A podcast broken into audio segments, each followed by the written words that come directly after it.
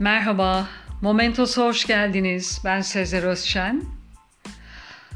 Kumsalda yürüyen bir adam avlanan balıkçıya yaklaştığında kova içerisindeki yakalanmış yengeçleri görür. Kovanın üstü açıktır, kapağı yoktur.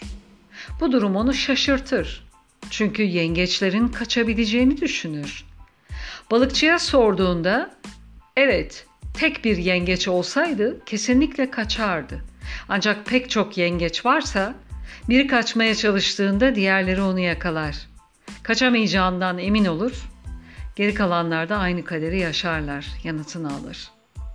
Tek yengeç kapaksız kovadan rahatlıkla çıkabilirken sayı arttıkça kaçış imkansızlaşır.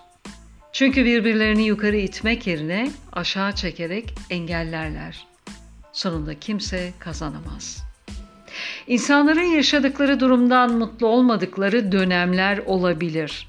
Bu dönemlerde mutluymuş gibi görünüp sizi de o duruma sürüklemek isteyebilirler.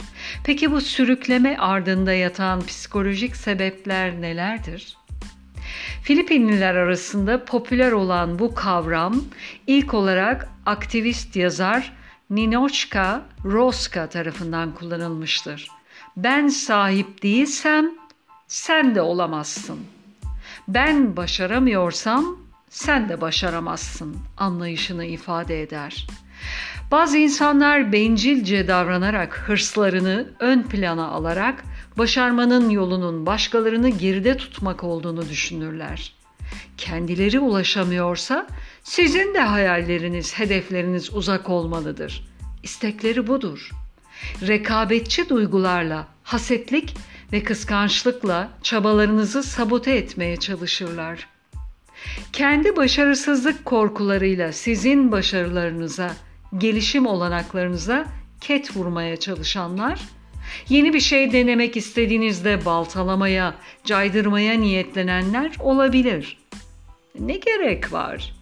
Boş ver. Zaten beceremezsin, hiç uğraşma. Ha, bu saatten sonra meslek değiştirilir mi?'' Sözlerini duyabilirsiniz. Bunlar sizi strese soksa da sakin olun. Eğer kararınızdan eminseniz arkasında durun.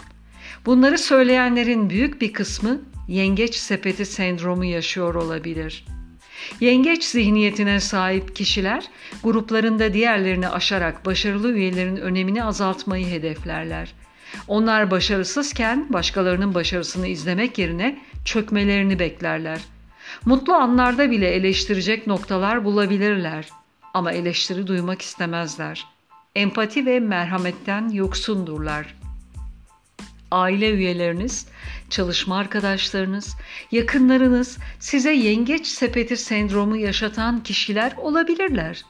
Zorunlu nedenlerle ilişkimizi tamamıyla koparmamızın mümkün olmayacağı durumlar varsa da hayatınıza yön verecek olan kişi sizsiniz.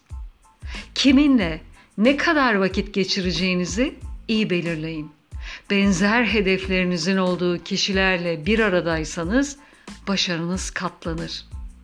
Durumun farkına varmak gerekiyor. Yengeçlerin sizi hedeflerinizden ve hayallerinizden uzaklaştırmalarına, üretkenliğinizi azaltmalarına izin vermeyin. Bizim hayatımız, bizim seçimlerimiz. Kovadaysak da Çıkmayı başarmak bizim elimizde. Yeter ki gerçekten o kovadan çıkmak isteyelim. İnternetten alıntı bir yazı seslendirdim. Dinlediğiniz için teşekkürler. Hoşça kalın. Momentos'la kalın.